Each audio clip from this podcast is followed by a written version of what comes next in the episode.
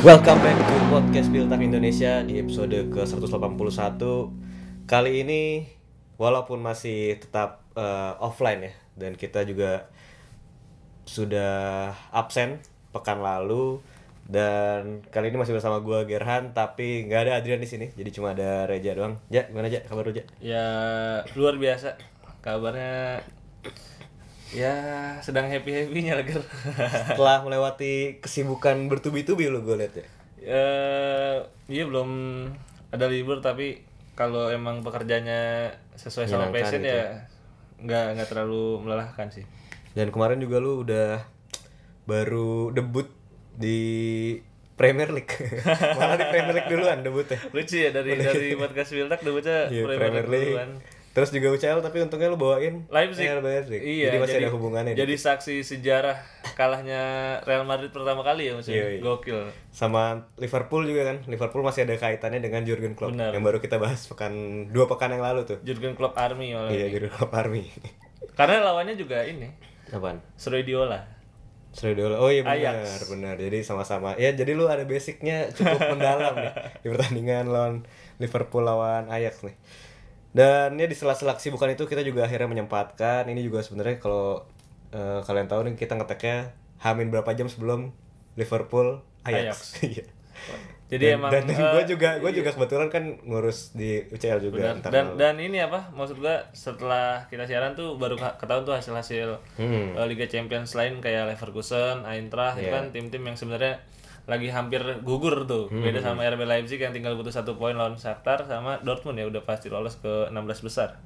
Ya tapi ya semoga aja Ferguson Eintracht nih ya walaupun agak berat sih kalau gue ngeliatnya si Ferguson terutama ya. At least ke Europa League lah ya bisa ya. Nah, iya, ya, tapi ya bisa lah 4 dari 5 tim semoga bisa bisa melanjutkan ke babak 16 besar. Dan ya seminggu kemarin nggak ada keramaian yang lumayan berarti kayaknya. Paling gagal ginjal ya itu. Siapa ya? Serem banget itu yang penyakit baru. Oh ada ya? Yang obat sirup ditarik semua dari peredaran itu. Oh, yang iya, anak-anak iya, kecil iya. gagal Iya, ginjal iya, kan. benar-benar. Ramainya la- lagi banyak isu-isu Kesehatan. iya bener. Sama yang apa sih? Yang sampo ditarik-tarikin tuh. Ya, Bo, ada sampo banyak Unilever- sih. sam- sampo Unilever. Covid, Covid katanya ada varian baru juga kan? Oh, gue gak dengar, gue gak itu, itu. ada varian keberapa? Sama ada kabar menggembirakan dari UFC.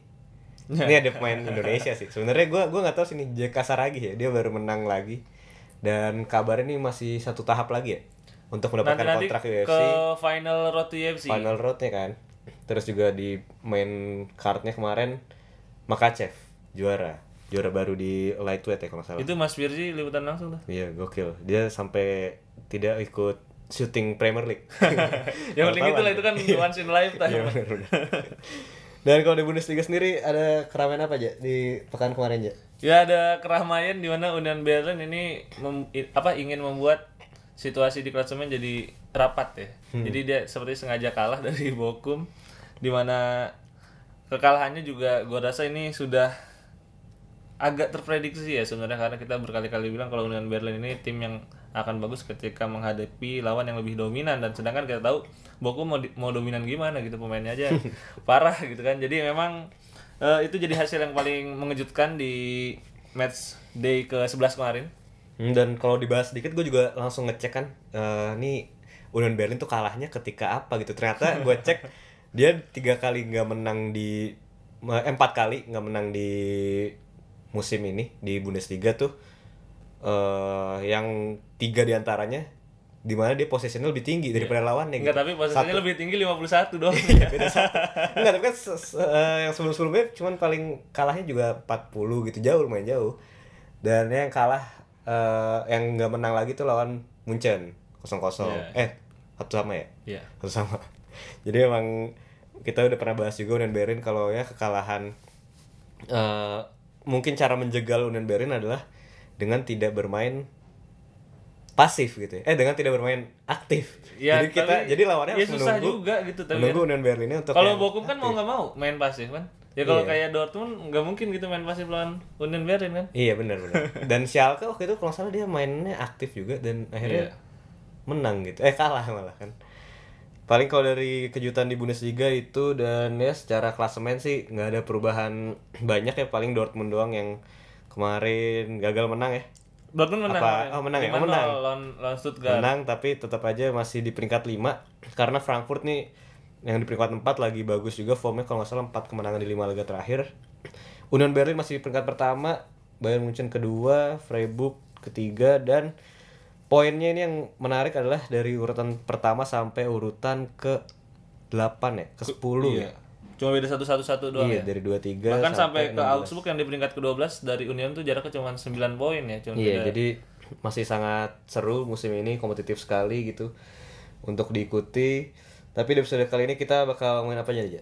Di episode ini di segmen pertama kita bakal ngebahas sesuatu yang sebenarnya udah agak basi tapi tetap menarik buat dibahas. Ada eh, persaingan pada pemain muda gitu, Jude Bellingham dan Jamal Musiala yang secara sangat kontroversial tidak memenangkan Copa Trophy dikalahkan oleh Gavi dan juga tentang pelatih baru Schalke ya yang masih belum ketahuan dan justru pelatihnya belum ada ini tambah sulit Schalke karena baru tinggal sama sporting director ya. Iya, jadi kondisi Schalke juga seperti dejavu terakhir kali mereka di Bundesliga gitu ya. Kayak waktu kalau nggak salah tuh eh, akhir-akhirnya banyak kisruh juga. Jadi Sporting kita- directornya juga cabut kan itu pas Iya bakal kita bahas lebih lanjut dan yang dibahas ke eh di dan di segmen kedua kita bakal ngomongin eh, list pemain yang sudah masuk ke dalam daftar apa ya squad bayangan. Iya, profesional squad. profesional squad eh, timnas Jerman di Piala Dunia 2022 nanti. Dan itu juga kabarnya sih dibocorin sama Bild ya. Katanya Iya, itu masih top secret top secretnya di FB tapi ternyata udah bocor. Dan ada berapa sekitar berapa nama ya? Tiga- 30-an ya? 39 mas ya. 30-an dan nanti bakal dikerucutkan jadi 26 kita bakal lihat siapa aja nama-nama yang cukup me- mengejutkan gitu ya. Ada atau mungkin ada nama-nama pemain yang tidak dipanggil gitu. Dari bahasan pertama mungkin kita bakal langsung masuk ke eh, penghargaan yang kemarin cukup membuat ramai sebenarnya minggu lalu. Tanggal 18 Oktober juga udah keluar. Eh, mulai dari Ballon d'Or terus juga sampai apalagi sih eh Socrates Award iya. gitu-gitu lah ya Socrates Award tuh si Mane Sadio Mane kan menang Iya benar. Menang. Karena kebaikan. Iya kebaikan. karena kesosialannya kesosialan Aksi sosial. aksi sosial dan yang cukup menarik perhatian dan jadi perdebatan sih sebenarnya bukan Ballon d'Or biasanya kan Ballon d'Or nih iya benar. yang biasanya wah ini nggak layak untuk menang tapi musim ini tahun ini kayaknya semua orang setuju aja gitu Sepakat, Benzema menang Terus keduanya, yang yang tiga besarnya juga eh, siapa aja sih si Lewi ya Lewandowski sama Kevin De Bruyne ya. oh iya benar itu juga ya masih eh, diterima Iya. banyak kalangan gitu yang justru menjadi perdebatan adalah penghargaan Copa Trophy ini gue nggak tahu nih Copa Trophy itu beda sama Golden Boy ya Beda. Kalau Copa Golden Trophy eh, FIFA, Golden Boy itu majalah juga. Oh, kan. Tuto Sport itu ya. Dan Golden Boy udah duluan. Si Golden Boy Pedri yang menang ya kan. Dan di Copa Trophy kali ini yang menang adalah lagi-lagi dari gelandangnya Barcelona. Cuman kali ini Legavi yang menang. Mengungguli eh, dua pesaing dari Bundesliga ada Jude Bellingham dan Musiala. Gue gak tau nih, Jude Bellingham bahkan gak masuk. Eh, Jamal Musiala kedua, eh, Ketiganya ketiganya Kamavinga. itu Kamavinga, keempatnya baru Jude Bellingham. Jude Bellingham. Nah ini menurut lu kenapa bisa kayak gitu? kenapa Jude Bellingham yang kita tahu mengcarry Dortmund sejak mungkin bisa bilang musim lalu gitu dan juga eh, Jamal Musiala dengan talentanya yang juga udah menang banyak hal lah di Bayern Munchen bisa kalah eh, oleh Gavi. Sama Gavi. Walaupun ya Gavi gua gua harus akui ya pemain bagus gitu. Cuman Iya. kayaknya secara peran, secara eh, gimana dia berkontribusi ke timnya kalah jauh dibandingkan Bellingham dan Musiala aja. Eh, pertama gue nggak kurang tahu ya ini apakah sistem voting atau panelis saja tapi eh gue justru kaget Gavi yang jadi pemenang gitu. Karena kalau kita lihat kan musim lalu tuh Barcelona ya memang secara overall timnya juga nggak bagus kan gitu. Dia nggak dapat trofi apa apa bahkan sama Eintracht kalah di Europa League di Liga juga eh, terseok-seok. Jadi emang eh, ini hal yang cukup mengejutkan gitu. Dan gue juga nggak tahu kenapa Pedri nggak masuk ke daftar apakah karena sudah juara di tahun lalu jadi nggak bisa masuk list lagi tahun ini. Karena kalau yang juara Pedri gue nggak nggak akan mempermasalahkan lah karena eh, peran dia sentral walaupun sempat cedera juga di awal musim lalu. Tapi kalau Gavi ini kan emang pemain yang menurut gue juga belum settle gitu kan di di tim Barcelonanya sendiri gitu. Beda sama Pedri yang udah jadi langganan bar apa langganan starter di Barcelona langganan starter di timnas gitu. Kalau Gavi kan ini masih belum settle bahkan untuk jadi pemain utama Barcelona aja gua ngelihat di timeline tuh banyak banget fans Barcelona yang eh, Kaget juga ya. kaget dan nggak kadang kalau Gavi masuk starter tuh juga mereka kayak kenapa Gavi yang main? gitu masih banyak kayak gitu. Sedangkan kalau kita bahas Jude Bellingham dan Jamal Musiala ini kan eh, dua pemain yang gua rasa udah sangat settle udah udah bisa bermain di level tertinggi Bundesliga atau Champions League atau bahkan timnas gitu. Jadi emang eh, ini men- menurut gue disrespect lah khususnya buat Jude Bellingham malah. Kalau menurut gue dibandingkan Jamal Musiala yang lebih layak Jude Bellingham karena bagaimana dia main di klub gitu walaupun nggak juara apa apa juga musim lalu tapi eh, gimana cara dia bermain dan mengatrol performa dari Dortmund gue rasa dia yang paling layak sih seharusnya bahkan Kamavinga kan juga cuma masuk bentar-bentar doang kan Emang iya?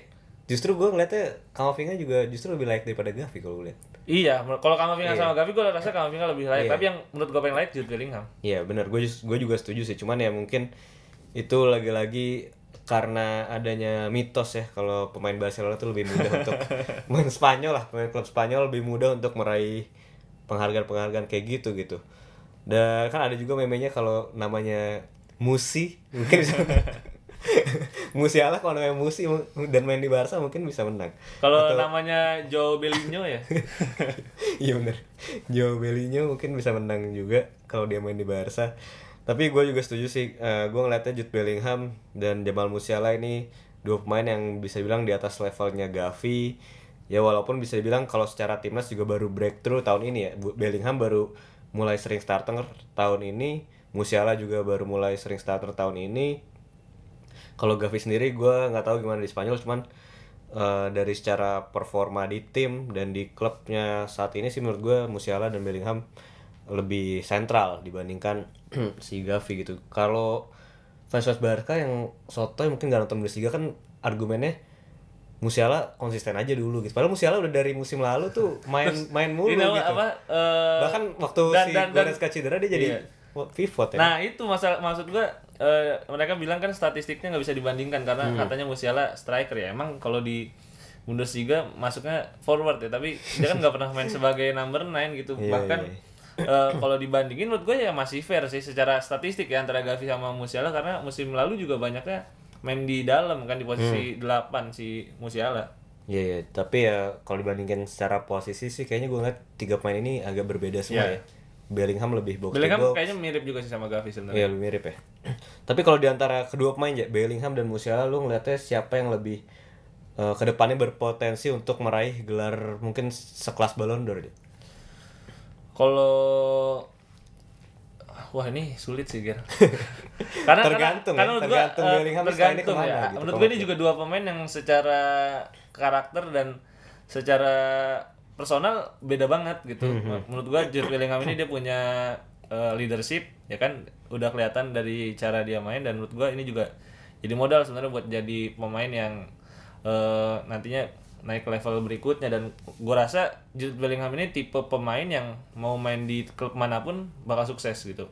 Karena dia punya itu punya punya mentality yang udah kelihatan banget dari usia yang masih eh, muda. Gua rasa dia main di Madrid di Liverpool di United. Menurut gua dia bakal cocok-cocok aja karena dia punya mentality itu. Kalau Jamal Musiala gue lihat ini kan personalitinya lebih kalem ya. Tapi dia eh, di lapangan itu bisa cair sama pemain-pemain yang udah lebih senior. Jadi kalau secara potensi gue rasa Jamal Musiala di atas Jude Bellingham ya. Tapi kalau secara mentality work ethic gue rasa Bellingham di atasnya Musiala. Jadi eh saling melengkapi sebenarnya kalau bisa main di satu tim. Tapi kalau gue sih ngeliatnya Musiala mungkin secara skill set eh leb- mungkin lebih mudah untuk di highlight gitu. Karena Ya, dia mainnya di depan dan dia mungkin bakal banyak masuk ke kotak penalti, ngasih assist, ngasih gol. Sementara Bellingham ini kan tipikal eh, gelandang yang all rounder gitu. Ini sangat eh, benar gitu kalau dia bilang dia mengidolakan Gerrard nih gue sangat melihatnya Bellingham ini sangat mirip sama Gerrard sih dari secara permainan gimana dia bisa bertahan bisa dribble juga punya kemampuan finishing juga cuman yang bedanya mungkin nggak ada eh, tendangan jarak jauhnya nggak segacor Gerrard gitu tapi kalau di antara kedua pemain ini sih gue ngeliatnya hmm, tergantung ke mana Bellingham pindah setelah ini. Kalau dia pindah ke tim yang mungkin lebih uh, proper, mungkin lebih stable gitu dibandingkan Dortmund ya. Gua rasa Bellingham punya uh, peluang lebih besar ya, karena Musiala gua ngeliatnya Musiala ke depannya adalah dia cuman bermain di Bayern Munchen mungkin Kayaknya untuk bakal waktu lama yang lama ya. gitu Kan- dan kita tahu sendiri Bayern Munchen bukan tim yang punya apa ya PR kayak Barcelona kayak Real Madrid ini kan menjadi salah satu hal yang eh mungkin mengecilkan peluang Musiala untuk menang Ballon d'Or ya Iya. Makanya Sementara- Lewandowski pindah ya. iya makanya Lewandowski pindah Walaupun jadi main di Eropa. Iya. Sementara Bellingham ini kan punya opsi banyak dia bisa main ke Liverpool, mungkin ke Manchester City, mungkin ke Real Madrid yang membuat dia menurut menurut gue lebih punya nama lebih besar daripada daripada Musiala ke depannya ya. Cuman ya pada akhirnya penghargaan ya cuman penghargaan gitu ya. Siapa pun yang menang ya nggak bisa nggak nggak berbanding lurus juga dengan apa yang ditampilkan di lapangan itu. Kayak musim berapa ya? Saatnya Neuer menang kan dia nggak menang. Tapi padahal lebih bagus daripada yang Ribery. menang gitu. Ribery. Terus juga mungkin uh, Lewandowski. Lewandowski, Lewandowski kan nggak ada, atau Virgil van Dijk waktu 2018 gitu. Jadi masih akan menjadi mungkin pertarungan sengit lah antara Bellingham, Musiala dan mungkin bakal menyodok ke antara nama-nama seperti Erling Haaland dan Mbappe tuh bakal bisa Eh ya kalau Halan sama Mbappe punya advantage karena mainnya lebih ke depan lah, Hmm. lebih di highlight dan itu juga jadi faktor sih kalau buat award-award individu kayak gini. Iya bener-bener. Jadi ya kita tunggu saja lah. Mungkin 10 tahun ke depan. Gimana kan Bellingham masih 19, Musiala masih 19. Masih 10 tahun lagi nih berarti. Semoga nggak meredup gitu. Eh, lanjut kita setelah berbincang lama tentang dua pemain Bundesliga, kita bakal ngomongin klub Bundesliga yang musim ini justru bukan justru sih meredup karena mungkin emang ya sudah expected lah. sudah expected lah mereka eh, akan terseok-seok gitu Bundesliga musim ini yaitu adalah FC Schalke yang baru saja memecat pelatihnya pekan lalu ya setelah kekalahan lawan Hertha. Ya, lawan eh setelah lawan Hoffenheim. Dua, lawan dua Hoffenheim kali tuh berturut-turut di, di, DFB Pokal ya. Dipecat Eh, si siapa nama pelatihnya kemarin? Frank Kramer. Frank Kramer. Frank Kramer dipe- baru di baru diangkat awal musim baru main 12 laga kalau nggak salah. Iya. dia langsung dipecat.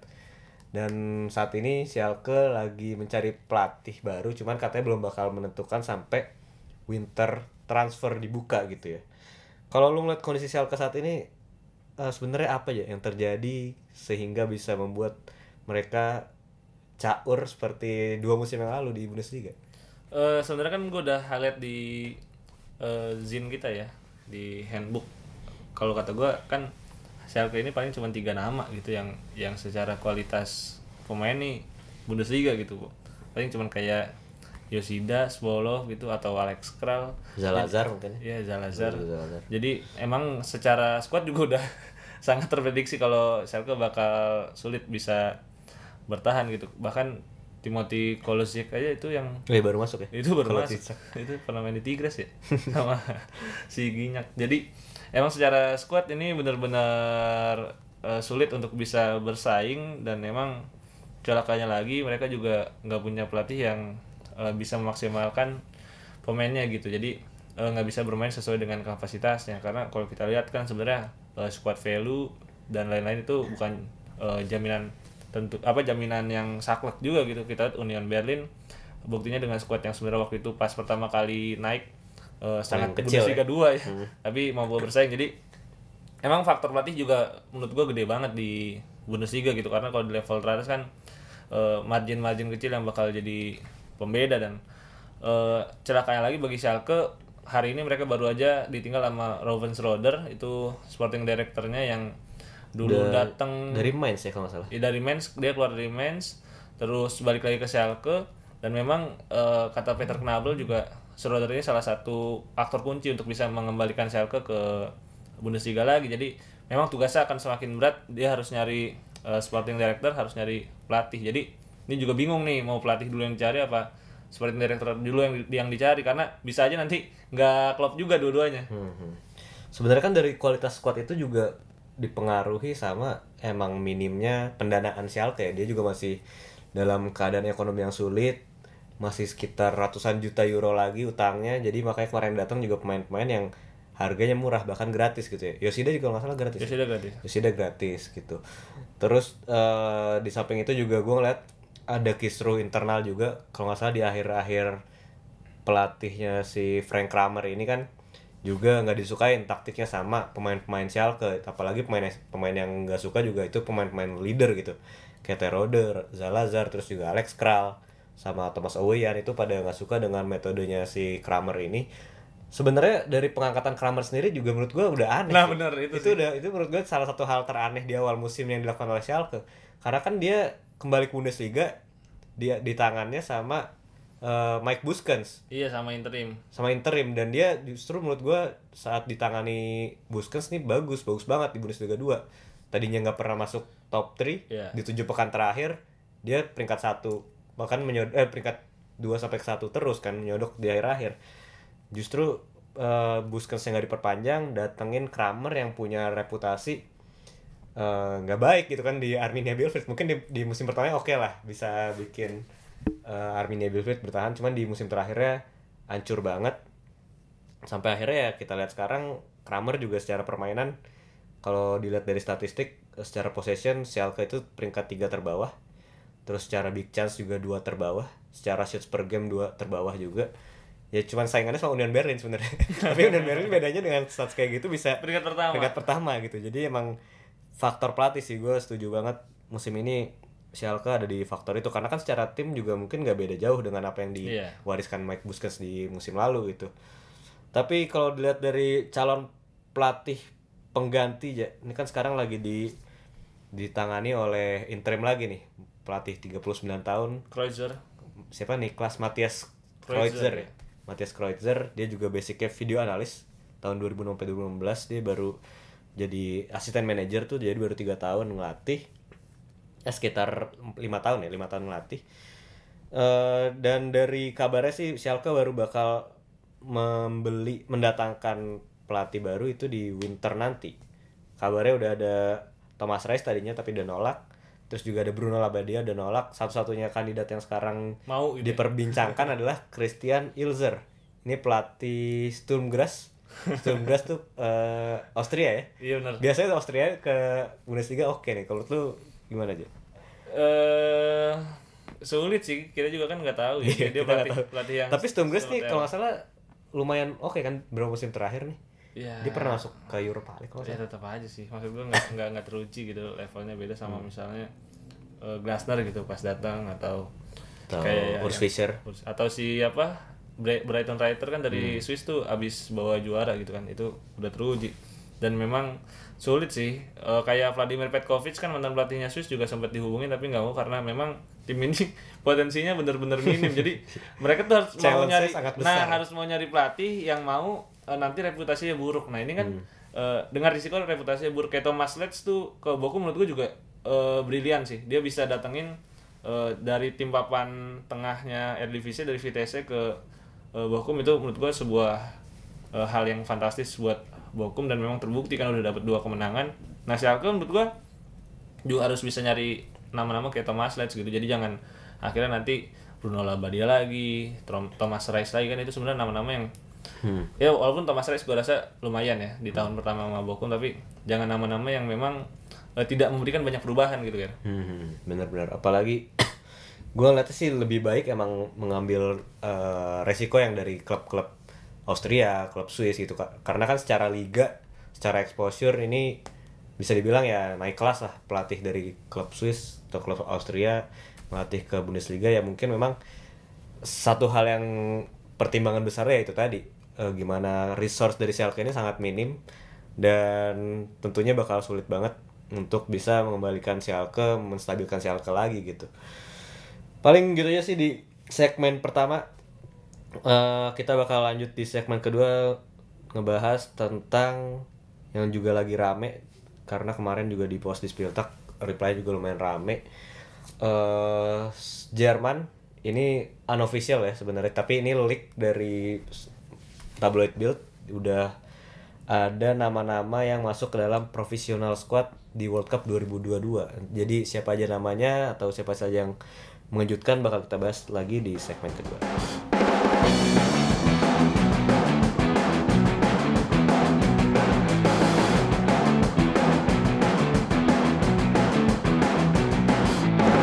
Empat puluh empat nama sudah dibocorkan oleh Bild walaupun eh, Hansi Flick ini dan DFB sebenarnya tidak mau mempublikasikan ya Iya. nama-nama profesional squad dari Jerman berbeda sama beberapa negara ya sebenarnya yang juga sudah mengumumkan secara ofisial gitu kayak Belanda. Kita lihat ada Flecken terus ada siapa yang back ya? Ada dari Bundesliga lupa gua. Apaan? Back- Van Di Van Belanda. de Ven ya masuk yang dari Bundesliga. Tapi Flick ini sebenarnya pengen rahasia-rahasiaan tapi ternyata dibocorin ini gue juga nggak tahu siapa yang ngebocorin gitu ya. Kayak paling kan juga official officialnya dia juga gitu kan. Hmm. jadi eh, tapi ini jadi akhirnya jadi pembahasan yang cukup menarik bagi para fans Jerman gitu karena ada beberapa nama yang mengejutkan, ada beberapa nama yang juga ternyata nggak dipanggil di daftar 44 nama ini. Mungkin kita bakal ngebahas tentang pemain yang mengejutkan dan yang nggak dipanggil dulu ya kan. Jadi dari 44 nama ini menurut lu siapa yang kira-kira seharusnya masih bisa dipanggil atau siapa yang ternyata mengejutkan ada di daftar ini? Kalau dari yang dipanggil sih menurut gua masih ada sekitar tiga ya tiga nama. Yang pertama mungkin ada Yannick Haberer yang lagi lagi bagus musim ini di Union Berlin. Terus juga ada Florian Neuhaus yang gak dipanggil juga. Sama satu lagi mungkin gua agak bingung kenapa Bella Kocap nggak dipanggil gitu. Gua nggak tahu sih berapa lama si Bella Kocap ini cedera. Cuman sih setahu gue dia di Southampton juga lagi bagus musim ini. Justru ada nama-nama pemain yang seharusnya nih nggak ada gitu nggak ada di sini tapi dipanggil kayak Robin Koch menurut gue. Robin Koch di Leeds musim ini lagi jelek. Leeds juga nggak menang dalam tujuh laga terakhir di Premier League eh di semua laga kalau nggak salah. Dari tiga laga awal habis itu nggak pernah. Iya, iya kan? Jadi menurut gue sih kalau dari kejutan sebenarnya eh, eh dari yang nggak dipanggil tiga nama itu ya. Cuman kalau dari sini ya mungkin gue juga nggak tahu siapa lagi yang layak untuk dipanggil gitu karena pemain Jerman kan juga Ini kan udah yang 44 nama, Iya, udah 44 harusnya- nama udah banyak banget. sih, iya. Iya, udah banyak banget 44 nama yang emang layak untuk masuk ke profesional squad gitu. Cuman kalau dari kejutan sih gue ngeliat ya itu tadi Robin Koch mungkin meng- mengejutkan dari secara negatif gitu ya. Dan satu lagi mungkin yang mengejutkan menurut gue ada Yusufa Mokoko. Masih 18 tahun eh, udah masuk profesional squad dan dia bahkan belum pernah main di timnas senior Iya. sebelumnya gitu kan. Kalau langsung masuk ke Piala Dunia menurut gue nih jadi kejutan yang luar biasa. Tapi kan full crook juga gitu kan. Full Crook juga ya, tapi Full Crook udah 29 tahun, udah lumayan berpengalaman gitu kan. Sama ada Rani Kedira, nih banyak orang-orang ketuker ya. Hah, Kedira masih ada nih, angkatan 2014 masih ada nih, Kedira sama Kramer. Kalau Kramer sih gue nggak tahu ya kenapa dia dipanggil gitu sebenarnya. itu juga menurut gue lebih mengejutkan sih. Kramer, kalau Kedira menurut gue ya oke lah dia eh, pemain andalan di tengah eh, Union Berlin sebagai jangkar juga karena kan eh, timnas Jerman saat ini kan kekurangan gelandang jangkar gitu selain Emre Can mungkin ya Emre Can yang juga ini nggak nggak terlalu layak untuk dipanggil lagi menurut gue Eh, jadi menurut gue sih yang nggak dipanggil yang mengejutkan ya empat nama itu sih. Eh kalau gue sih justru di list ini ada beberapa pemain yang benar kata Luger sebenarnya nggak terlalu perform ya di timnya masing-masing gitu. Kayak eh, Jonathan Tah, terus kayak si Robin Koch, eh, bahkan Emre Can gitu. Menurut gue nggak nggak mungkin lah ini pemain ke Piala Dunia gitu. mending ke Surabaya ya? Iya. Dan gue justru kaget bukan karena performa di klub gitu, tapi kenapa Hansi Flick tidak memanggil Julian Draxler gitu sebenarnya. Oh iya ini kan, langganan ya Langganan gitu biasanya kan pemain yang kayak Thilo Kehrer gitu. Ini pemain-pemain yang walaupun gak main di klub biasanya eh, tetap dipanggil. Sedangkan sekarang ketika Draxler pelan-pelan udah mulai main di Benfica ternyata juga nggak masuk ke profesional squad gue sebenarnya cukup eh, kaget dan memang kalau dari list ini sih seharusnya udah eh, masuk semua pemain-pemain yang Emang eh, lagi emang jago-jagonya gitu ya. Jadi, jadi ibaratnya pas udah pemain ke 35 ke atas tuh udah kayak eh nih back kiri eh, buat cadangan keempat siapa nih kayak kayak Lukanets kan pasti Iya, masuk iya. masuknya kayak gitu kan kayak si Kramer juga tuh kan emang eh, si Jerman gak punya sosok defensive midfield kan Hmm. pasti itu udah pilihan pemain-pemain keempat dulu yang kayak cuma didaftarin tapi nggak mungkin ke bawah dan mungkin menarik kalau kita sekarang ngebahas per posisi kali kira ya. Hmm. Jadi kayak per posisi menurut kita siapa aja yang layak buat ke Piala Dunia 2022. Mungkin dari goalkeeper dulu ada Neuer, Ter Stegen, Kevin Trapp, Oli Bauman dan Leno. Ini menurut gue emang lima nama yang Ya mungkin teratas lah. teratas lah untuk saat ini. Secara karena karena kualitas. beberapa yang waktu itu prediksi masukin nama Karius aja Karius saja nggak main. Oh yang yang itu ya yang di transfer market itu. Ya. Aduh, kocak banget emang. Tapi kalau gue sih tiga nama teratas itu udah kunci sih. Kecuali trap, kecuali tiga di antara ada cedera mungkin Bauman yang paling utama naik ya. Karena Leno kan juga bisa dibilang sejak musim lalu udah nggak perform di tim utama juga jadi cadangan gitu kan dan musim ini ya di Fulham nggak bagus-bagus amat juga sementara Bauman musim ini di bawah Andre Brighton Writer eh, Hoffenheim cukup oke tampilnya. Jadi menurut gue Bauman tetap di atasnya Leno sih. Misalkan ada tiga tiga nama teratas yang eh, cedera dan nggak dipanggil gitu. Ya gue juga sangat setuju lah kalau ini eh, no debat lah. Ini Neuer, Ter Stegen dan Trapp memang sudah sejak lama diproyeksikan buat di Piala Dunia 2022 dan memang ketiganya juga membuktikan bukan hanya main di level klub ya tapi main di kompetisi Eropa termasuk Kevin Trapp yang akhirnya juga menurut gue naik level di Frankfurt membawa Frankfurt jadi juara di Europa League. Di posisi back ada Kehrer, Benny Hendricks, David Raum, Rudiger, Schule, Ginter, Slotterbeck, Gosens, Hummels, Koch, Klosterman, Knoke, Gunter, Tah sama Nets. Ini sebenarnya menurut gua lini yang paling weak dari Ya. timnas Jerman. bener-bener setuju gue dan kalau dilihat dari wingback ya terutama menurut gue nih nggak ada yang kelas dunia sih. Bahkan eh, untuk jadi pemain bagus di tim utama sih menurut gue siapa yang bisa ya? Paling Raum juga musim ini nggak nggak nggak nggak seperform musim lalu gitu. David Raum yang mungkin jadi bakal jadi pilar utama di back kiri gitu nggak seperform musim lalu. Gosens juga masih eh, ganti-gantian sama siapa? Di Marco ya? Iya, Di Marco nggak Federico sih? Di Marco. iya Di Marco ya bener. Terus ada Lukanets gitu di eh, mungkin iya, bahkan di, kasta di, terbawah di Gladbach juga nggak terlalu menonjol gitu. iya nggak terlalu menonjol kan Lukanets walaupun ya udah jadi pemain utama ya musim ini kalau nggak salah Dia, Dia- soalnya iya. bisa main di left center back juga ya. Iya, Lukanets. Ganti-gantian sama- Eh, di kanannya kan ada si eh oh dia nggak bisa dia Benzema ini. Dia Bense, kanannya Bense kan wing sama. Liner. Iya, iya, iya, kirinya dia Bense sama Lukanets kadang gantian. Justru kayak kehilangan eh, Philip Max mungkin ya. Gue nggak tahu dia secara performa gimana dan apakah secara ke apa ya fitnessnya dia cedera apa enggak. Cuma menurut gue Max sama Nets di level yang sama sih. Te- terus kalau untuk satu lagi Gunter ya. Gunter ini layak sih menurut gue walaupun ya bukan tim yang bisa mengangkat permainan Iya. Jerman juga gitu ya. Kalau dari bek kanan sih gue liat justru ini yang paling lemah menurut gue aja. Ini bek kanan murni cuma Iya. Klosterman kan. Klosterman, Udah. Benny Hendricks sebenarnya Oh, Benny Hendricks bek kanan ya. Bek kanan. Dan Tilo Kehrer ini Nah, kuncian. ini, ini masalah Ini kuncian. kalau lu lihat di daftar di gambarnya paling atas Kehrer. Berarti ini kunciannya. Bener si- kuncian bener. Kan kayak kiper paling atas Neuer. Iya. Midfield paling atas Kimmich. Iya.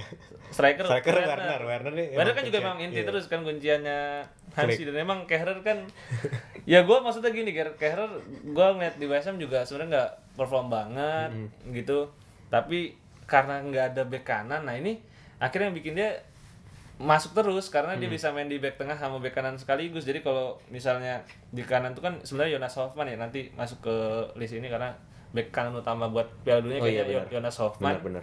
Uh, kalau Hoffman nggak bisa main nih kayaknya dia yang bakal masuk ke bek kanan. Tilo Kehrer ini bek, bek kanan utama karena kalau kalau Sterman kan emang sampai sekarang juga masih cedera. Nah justru yang menarik adalah Mats Hummels. Kan Hummels nggak Iya, pernah tengah, dipanggil. bek tengah ini menarik menurut gue. tapi menurut gue ini performa terbaik Hummels sejak musim terakhirnya di Dortmund atau musim pertamanya di Bayern Hmm, hmm, hmm. Bener. jadi ini emang layak banget menurut gue kalau Hummels nanti dibawa dan juga bakal ngaruh ke mentality ya Ya, dan ya udah udah 34 tahun ya gitu. Jadi mungkin bakal menjadi eh berperan penting di eh ruang ganti juga kan untuk di tim juga sebagai senior gitu. Yang menarik adalah Robin Knoke ini menurut lu layak untuk dipanggil nih. enggak sih Robin Knoke Nah, enggak. ya? karena menurut gua eh, tiba-tiba gitu ya di Jerman ini setelah bertahun-tahun Jonathan Tah tuh selalu dipanggil, sekarang dalam banget back back tengahnya. Iya. Nico, Sule, kemudian Rudiger, Hummels sama Ginter. Iya bener, Ginter. Ginter juga dipanggil. Kayaknya ada satu yang gak kesebut sama gue deh. Bahkan, bahkan back tengahnya Dortmund tiga. Terus Tony Rudiger kan pasti sama Ginter. Hummels. Hummels ya. Iya kan udah tiga tuh. Udah tiga. Sama Ginter jadi ini eh, lima yang menurut gue udah pasti bakal dipanggil sih lima lima back tengah tersebut. Iya. Di gelandang ada Kimi, Goretzka, Gundogan, Musiala, Wirtz, Gnabry, Sané, Müller, Royce, Kramer, Hoffman, Götze, Brand, Arnold, Weigl, Chan, Stah, dan juga Kedira. Walaupun kalau kita lihat sebenarnya nanti ujung-ujungnya tetap core-nya ini pemain-pemain Bayern ya kalau di gelandang. Iya, kalau di gelandang sih gue ngeliat bakal ada banyak perubahan ya dari pemanggilan terakhir. Pasti masih bakal berapa nama teratas nih? 6 atau 7 eh, bahkan 8 nama teratas sih ba- sih bakal dipanggil ya. Bahkan Florian Wirtz yang baru latihan full kemarin aja udah langsung dimasukin profesional berarti emang Hansi Flick adalah salah satu fans dari Florian Wirtz juga gitu ya.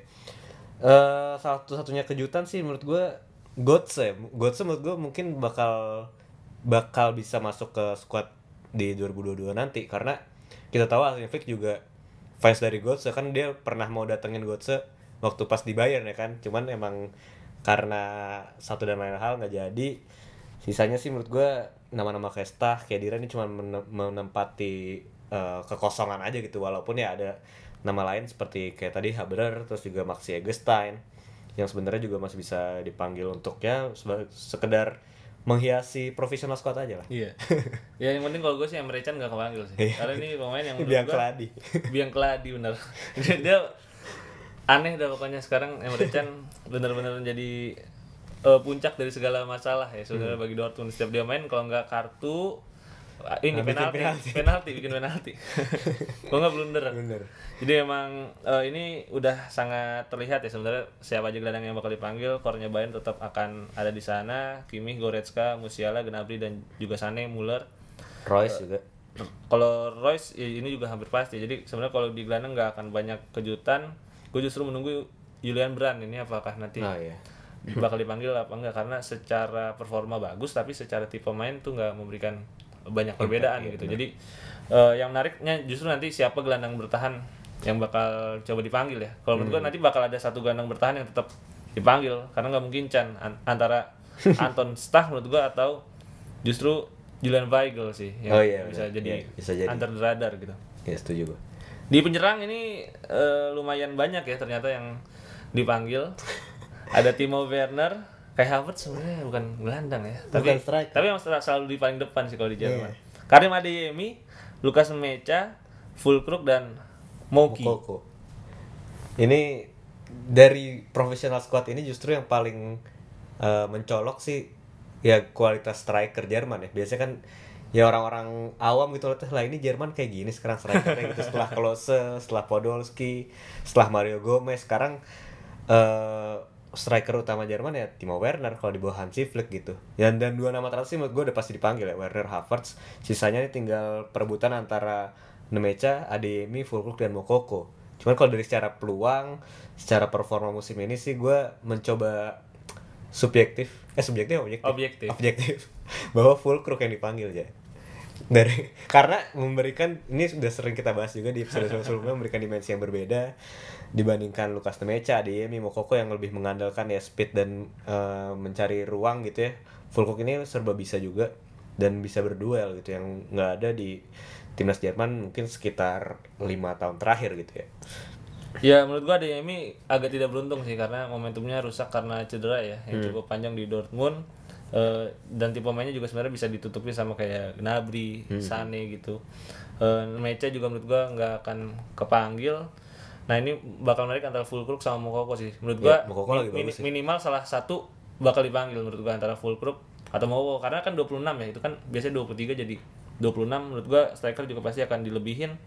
Ini menarik karena Mokoko tiba-tiba jadi eh, nominasi buat timnas Jerman walaupun tidak pernah bermain di timnas senior tapi dia juga membuktikan di klubnya karena setelah Modest sangat buntu gitu ya Mokoko ternyata memberikan impact yang cukup baik menurut gua dan eh, dia punya eh, kualitas buat nantinya juga bersaing di level senior gitu. Hmm, dan ya kita tinggal lihat sih sebenarnya Havertz juga udah lumayan membaik performanya di Chelsea. Werner juga udah lumayan membaik.